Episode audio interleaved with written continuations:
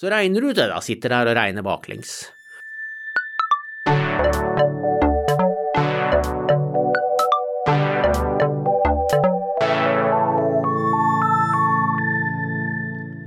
Hei og velkommen til sjette episode av eh, Kalkulus med Anne og gjengen. Denne podkasten går jo ut på at jeg, Anne, eh, snakker med medlemmer av gjengen min om matematikk. Og i denne episoden har jeg faktisk fått et gjengmedlem til å komme tilbake. Eh, I dag er temaet omvendte funksjoner, og den jeg skal snakke om dette med, er ingen ringere enn Tom Lindstrøm. Velkommen tilbake. Tusen takk. Det er jo veldig hyggelig at du eh, ville komme tilbake, da. Så det må jo eh, bety at jeg ikke skremte deg bort med alle spørsmålene mine sist. Det gikk veldig bra sist, så jeg tok sjansen på å komme igjen, ja. Ja, det er, eh, det er veldig hyggelig. Men for de som ikke husker deg, eller kanskje ikke har hørt den episoden med deg, kan du gjenta hvem du er? Ja, jeg heter Tom Lindstrøm, jeg er professor i matematikk, og jeg har skrevet lærebøker blant annet den som brukes i kalkulus, mat 1100. Og jeg har jobbet mye med dette her opp gjennom årene. Mm. Første gang jeg foreleste et tilsvarende kurs var i 1986, og det begynner å bli noen år siden. Ja. Har du, noe, har du noe sånn spesielt minne om da du først ble kjent med kalkulus? Jeg husker i hvert fall første gang jeg var gruppelærer, ikke så mye første gang jeg var foreleser. Da kom jeg inn i et rom, jeg var vettskremt, og så gikk jeg inn i et sånt lite klasserom, og det var stappfullt allerede. Og så hørte jeg noen mumle fra kroken. Er det læreren? Er han 20 år, Hanna? ja. Så det er en stund siden folk har spurt om nå, da. Ja.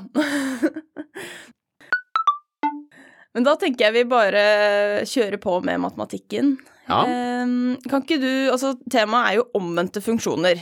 Eh, kan du bare fortelle hva det er? Hva en, hva en omvendt funksjon er?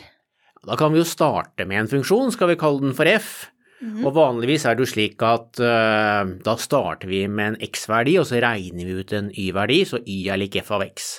Mm. Ofte er f gitt ved en formel, slik at hvis du skal regne ut f av 2 f.eks., så stikker du 2 inn i den formelen, og så regner du ut den, tilsvarende y-verdien. Ja, det er sånn hvis funksjonen er um, x i andre, da, ja. så putter du inn 2 i andre, og så får du 4. Ja. Da har du funnet funksjonsverdien. Da har jeg funnet funksjonsverdien. Mm. Men så er det av og til at man ønsker å regne baklengs, altså at istedenfor å starte med x-en og regne ut y-en, så vil man starte med y-en og regne ut x-en isteden. Ja. Og da regner man egentlig ut den omvendte funksjonen. Ok. Så vi kan jo prøve å ta et litt praktisk eksempel, kanskje. Du kan mhm. tenke deg at du jobber på en fabrikk, du har ansvaret for å produsere en viss vare. Og så vet du at du trenger sant, Der du råvarer du får inn, og så produserer du enheter av denne varen ut. Og da vil du typisk ha en eller annen funksjon som forteller deg at hvis du får inn x kilo råvarer, så kan du produsere y enheter av denne varen. Mm. Så da regner du liksom fra x til y, jeg har x kilo og jeg får ut y varer. Mm. Men så kommer sjefen din og sier at nå har de fått inn en bestilling på 2000 enheter av denne varen. Og så lurer han på hvor mye råvare må man da bestille. Ja. Og da må du regne baklengs, ikke sant. Du vet du skal ha 2000 enheter ut, og det er på en måte y-verdien, og så må du regne ut x-verdien. Hvor mye råvare, hvor mange kilo råvare trenger vi. Mm. Så regner du det, da. Sitter der og regner baklengs. Ja. Og så går det kanskje en uke, og så kommer sjefen din tilbake og sier at nå har vi fått en bestilling på, på 3000 enheter av denne varen. Ja. Og så må du regne tilbake igjen, igjen. Hvor mye trenger jeg nå av råvarer for å kunne produsere de 3000 mm. For dette her er jo egentlig ganske mm, sånn som man har gjort på nesten ungdomsskolen, kanskje? Ved å regne litt sånn fram og tilbake. Ja, du snur litt på formler, og så løser du for en annen enhet enn den du liksom opprinnelig var interessert i. Mm. Og, men etter at dette har pågått en stund, så blir du kanskje litt lei. da, Du gjør jo stort sett det samme regnestykket hver gang. ikke sant? Først med 2000 og så med 3000. Mm. Så kanskje du tenker at uh, nå skal jeg gjøre jobben en gang for alle. Antatt at nå sier at vi skal produsere Y-enheter. Ja. Hvor mange kilo råvare X trenger vi da? Og så mm. gjør du det regnestykket en gang for alle, slik at du gitt en Y-verdi finner en X-verdi. Ja. Da har du en annen funksjon, du kan jo kalle det en G, ikke sant. G av Y gir deg X. Ja. Og det er den omvendte funksjonen. Da, ja. du, da, har du funnet en formel eller funksjonsuttrykk som regner deg fra Y til X. Ja, Så da kan du bare igjen putte inn um, Y-verdien, da? Ja, eh, altså- i denne formelen, i stedet for å drive og regne på det hele tiden. Regne seg baklengs. Så hvis sjefen nå kommer og sier at nå har vi fått bestilling på 5000 enheter, så behøver du ikke å regne, du bare trykker, setter 5000, Y lik 5000 inn i formelen din, Mm. og så regner du ut hvor mye råvare som skal til for å produsere det. Mm. Ok, så vi har på en måte Vi er vant til selve den operasjonen fra tidligere ved å finne den ja, Y-verdien eh, Nei, hvis vi har en Y-verdi, så er vi vant til å finne denne X-verdien litt fra både ungdomsskolen og videregående, men nå skal vi på en måte finne en hel formel for det. Du skal finne en formel for det, eller du, så du skal finne en fremgangsmåte som fungerer bestandig, og så skal du kanskje lage litt teori rundt dette her. Ja, Altså, hva kan vi egentlig si om den omvendte funksjonen? Har den noen generelle egenskaper? Hvordan henger egenskapene til G sammen med egenskapene til den opprinnelige funksjonen? Ja, ja, for det blir en sammenheng der. For jeg tenkte jo at hvis du har dette, hvis du har et funksjonsuttrykk for en f, da, sånn Ja. helt vanlig f av x, mm -hmm. der det er x i andre pluss tre, altså et eller annet uh, helt vanlig funksjonsuttrykk, så føles det jo kanskje ikke så vanskelig å skulle Altså det man gjør, er at man kanskje setter denne x i annen pluss tre lik y, da, og så prøver man å regne ut dette her sånn at det står uh, x er lik, og så et uttrykk med y. Helt riktig, du har bare en ligning som du prøver å løse for X. Ja, så jeg bare prøver å Og det, eh, da er jo spørsmålet sånn hvorfor eh, Hvorfor har vi på en måte en egen teori, eller et eget tema om det her? Det høres jo ut som jeg bare Kan jeg ikke bare regne på det?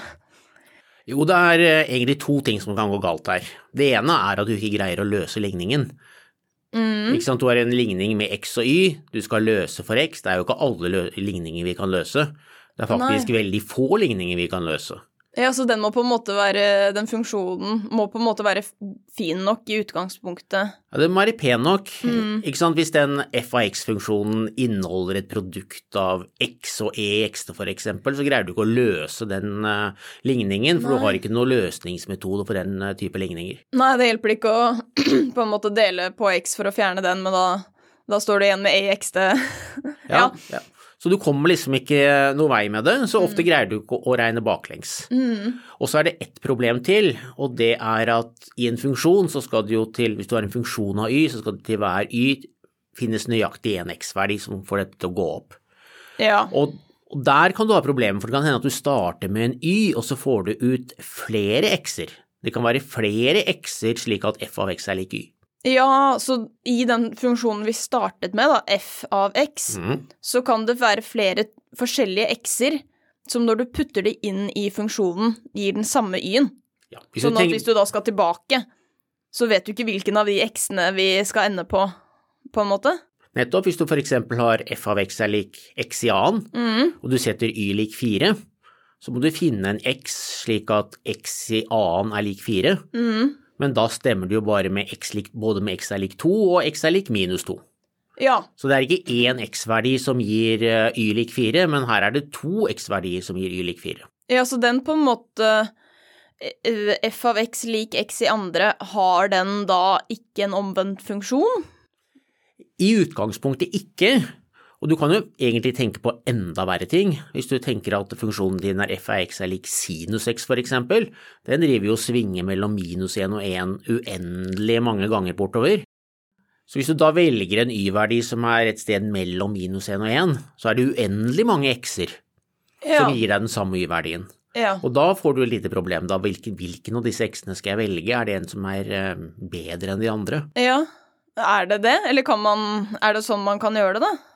Eh, Av og til gjør man det sånn at hvis man har en funksjon som ikke har en invers funksjon i utgangspunktet, eh, at man innskrenker denne funksjonen. Hvis du ser på y er lik x i annen eksempel, hvis du bare ser på positive x-verdier, så vil det jo være slik at i hver y finnes det nøyaktig én x, Ja. slik at f av x er lik y. ja, fordi problemet det var jo at det er både den negative og den positive av eksempel to, da, Ja. som blir eh, to i annen, og minus to i annen blir fire. Og i mange praktiske eksempler er du jo eksempel bare interessert i positive x-er. Hvis dette var funksjonen fra fabrikken din eksempel, så er du ikke interessert i å putte inn et negativt uh, antall kilo med råvarer. Det er, det er, absurd, så det er bare positive x-er som gjelder. Mm. Så da bør du kanskje være litt mer uh, nøyaktig når du definerer funksjonen og si at vi har f av x er lik x i annen, men bare for positive x-er. Det er bare de positive x-ene vi er interessert i. Ja, hvis du bare uh, i f av x velger å bare putte inn positive x-er, mm. så kan du da finne en omvendt funksjon fordi de y-ene kommer jo bare fra positive x-er, så da eh, kommer alle fra bare én verdi. Ja. Men eh, eh, Ok, men det er jo altså Er det, er det noen eh, eksempler der på en måte eh, begge Hvis det er en sånn type funksjon da, som har eh, to x-er gir den samme y-verdien, noe eksempel der det faktisk ikke er Det er kanskje ikke like lett å si at det, er ikke helt absurd, liksom. Det er ikke min eller negative antall råvarer. Det finnes eh, helt fornuftige eksempler. Hvis du f.eks. kaster en stein ut, opp i lufta, mm. så kan du få høyden som en funksjon av tiden. Altså etter eh, x sekunder så er steinen y meter over bakken. Ja. Og hvis du da spør deg selv når er steinen fem meter over bakken, mm og prøver å finne ut det, så leder det til en annengradsligning, og den annengradsligningen har to svar. Ja. Så det ser ut som den steinen er eh, fem meter over bakken på to forskjellige tidspunkter. Ja. Og det er den jo, for den steinen kommer jo ned igjen. Ja. Så den vil være fem meter over bakken på veien opp, og så vil den være fem meter over bakken på vei ned. Ja, for det, dette her er jo sånn, nesten sånn klassisk fysikkoppgavespørsmål. Eh, der man eh, For den derre strekningsfunksjonen, den mm. ender med å være en sånn annengradsfunksjon, og så løser man den, og så får man ofte to liksom, verdier for tiden. Eh, ja. Og så må man avgjøre hvilken av de som er den riktige, da. Så av og til kan den ene være absurd, så du må bare hive den bort. Altså den ene er liksom før bevegelsen startet, og det vil du åpenbart ikke ha. Mm. Men av og til så kan det være fornuftig, slik som hos oss. Altså den steinen som går opp og kommer ned igjen, den vil jo være fem meter over bakken på to forskjellige tidspunkter. Mm. Og da måte Da er begge svarene fornuftige. Mm. Men hvis du da skal ha en omvendt funksjon, så må du nesten dele det opp i to. Du må se på oppoverbevegelsen for seg, ja. Den vil ha en omvendt funksjon, og så kan du se på nedoverbevegelsen for seg, og den vil ha en annen omvendt funksjon. Ja, Så det blir på en måte det samme som for x i annen, da, bare at vi deler det opp på en annen måte. Da delte vi det med positive og negative verdier, ja. mens her kan vi dele det på opp og ned. Ja. Vi må liksom Vi må, vi må bestemme noe eh, om eh, denne funksjonen før vi prøver å finne den omvendte. Ja, fordi sånn som vi fremstiller funksjoner, så skal det for hver input være bare ett mulig output. Det er ikke lov til å ha to output. Nei. Du kan ikke si at en funksjon har verdien pluss, både pluss og minus to. Nei, for én bestemt x. For, for, for, for en ja. bestemt x-verdi. Mm. Eh, da funksjonene først dukket opp på, på 1700-tallet, så drev man med såkalte multivaluerte funksjoner, hvor funksjonene kunne ta, ta flere verdier samtidig. Man hadde f.eks. funksjonsuttrykk med pluss-minus foran kvadratroten. Ikke sant? Så da tenk, tenkte man at det var to forskjellige på en måte, grener av funksjoner, da, én for pluss og én for minus. Mm. Så man prøvde å regne med dette her. Men mm. det ble noe forferdelig rot, så det gikk man bort ifra. Så i dag insisterer vi på at en funksjon bare skal ha én verdi i hvert punkt. Ja, så man, må, ja, man må liksom bestemme seg. Så må man heller si at det er to funksjoner, da. Én for oppoverturen og én for nedoverturen. Så får man ja. behandle dem som to forskjellige funksjoner. Ja. Men uh, dette med at man ikke kan finne et funksjonsuttrykk, da, sånn som du sa om uh, for eksempel x, e oppi de x-te, mm. kan vi fortsatt uh, finne ut noe om en sånn omvendt funksjon? Ja, det er noe av det teorien går ut på. Altså, så lenge du kan finne den omvendte funksjonen i en formel, så trenger du kanskje egentlig ikke en teori for omvendte funksjoner, for da sitter da har du funksjonen foran, da kan bare regne på den. Men i de tilfellene hvor du ikke kan finne et funksjonsuttrykk, hvor du ikke kan løse denne ligningen, så kan vi være interessert i å vite hva slags egenskaper denne omvendte funksjonen har allikevel. Mm. Og det som da er typisk, er at den arver egenskaper fra den opprinnelige funksjonen. Okay. Så hvis den opprinnelige funksjonen er voksende, så vil også denne omvendte funksjonen være voksende. Hvis den omvendte funksjonen er avtagende, vil den om, hvis den opprinnelige funksjonen er avtagende, vil den omvendte funksjonen være avtagende. Mm. Altså at voksende blir da at uh, funksjonsverdiene blir større og større? Jo større x-ene blir, ja. ja, at, ja. Og så viser det seg at man til og med kan regne ut den deriverte. Altså hvis du vet, kjenner den deriverte til den opprinnelige funksjonen, så kan du også finne den deriverte til den omvendte funksjonen. Ja. Slik at du får jo da litt informasjon om den omvendte funksjonen, selv om du ikke kan regne den ut, så gir denne teorien deg allikevel en del informasjon om den omvendte funksjonen. Du kan finne ut den deriverte selv om du ikke har et funksjonsuttrykk å derivere, Ja. egentlig. ja, men du kan da egentlig bare finne den deriverte i, i hvert fall i de fleste tilfeller, bare finne den i enkeltpunkter. Ja, ok, så du får kanskje ikke et uttrykk, sånn, sånn formeluttrykk for den deriverte, men du finner det i noen av uh, for, no, for noen av X-verdiene. Ja. Mm, ok, men, ok, men hva hjelper på en måte det?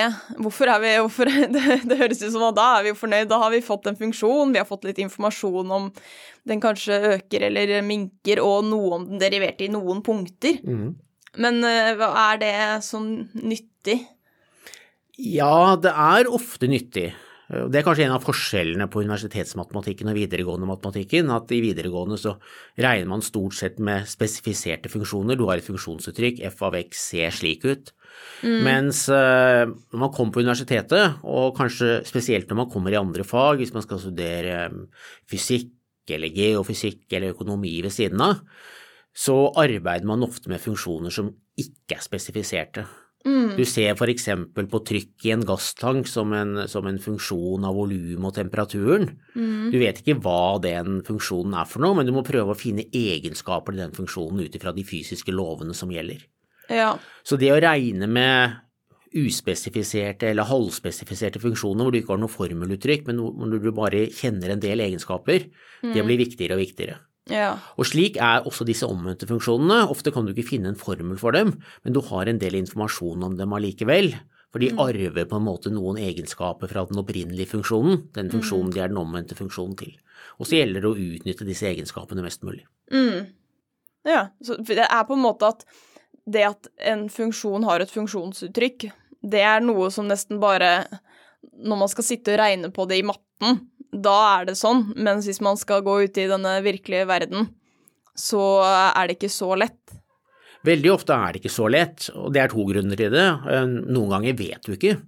Altså du vet at det er en sammenheng, men du vet ikke helt hva den er for noe. Men du prøver å få mest mulig informasjon allikevel. Eh, Og andre ganger er det rett og slett fordi du prøver å være mest mulig generell. Du prøver å utlede lover som gjelder for alle funksjoner, eller i hvert fall mange funksjoner. Så du ønsker ikke å spesifisere den, du ønsker bare å ha argumenter som gjelder uansett hvordan denne funksjonen ser ut. Ja. Ok, men da tenker jeg vi kanskje kan gi oss eh, med omvendte funksjoner.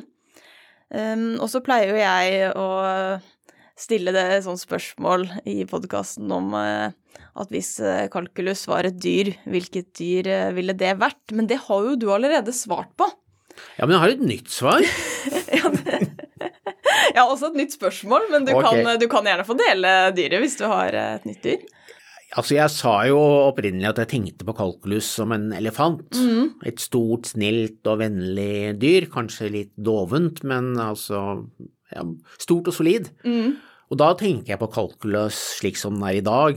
Altså dette er det 20. århundrets versjon av kalkulus. Men nå har vi jo jobbet på dette fagfeltet i hvor mye blir det, 350 år eller noe sånt nå.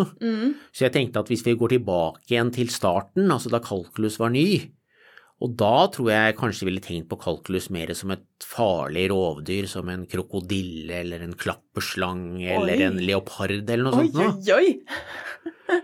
Og det var fordi eh, kalkulus kom inn som en ny teknikk som man kunne bruke til å løse gamle problemer mye mer effektivt enn før, og også veldig mange nye problemer.